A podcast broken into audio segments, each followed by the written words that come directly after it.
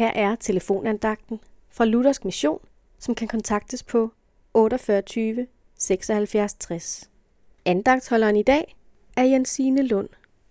Store er Herrens gerninger gentænkte til bunds, læser vi i salme 111, vers 2.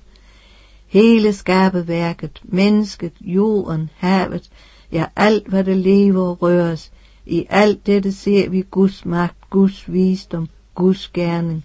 Vi undres, vi glædes. Men endnu mere må vi glædes og undres, når i vor Bibel møder Guds store gerninger til vor frelse. Der skete jo det forfærdelige den dag, da de første mennesker, Gud havde skabt, lå sig friste af djævlen til at synde mod Gud.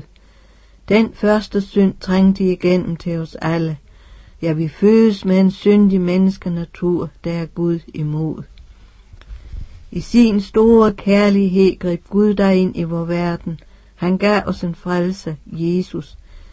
Der som vi læser det i Esajas kapitel 53, vers 5, blev gennemboret for vores overtrædelse, knus for vores synder. Han blev straffet for, at vi kunne få fred. Ved hans sår blev vi helbredt. Det er Guds store gerning til frelse for alle.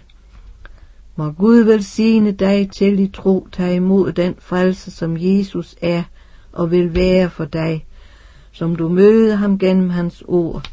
Den, der kommer til mig, vil jeg aldrig vise bort.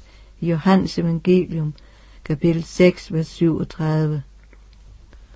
Så må vi da trygt gå til ham med alt det, vi møder hele livet igennem, og bede ham lede, bevare os, til vi når målet for vor frelse himlen. Da, som vi synger i en sang, bryder lovsang fra mit hjerte ud. O store Gud, o store Gud. Amen.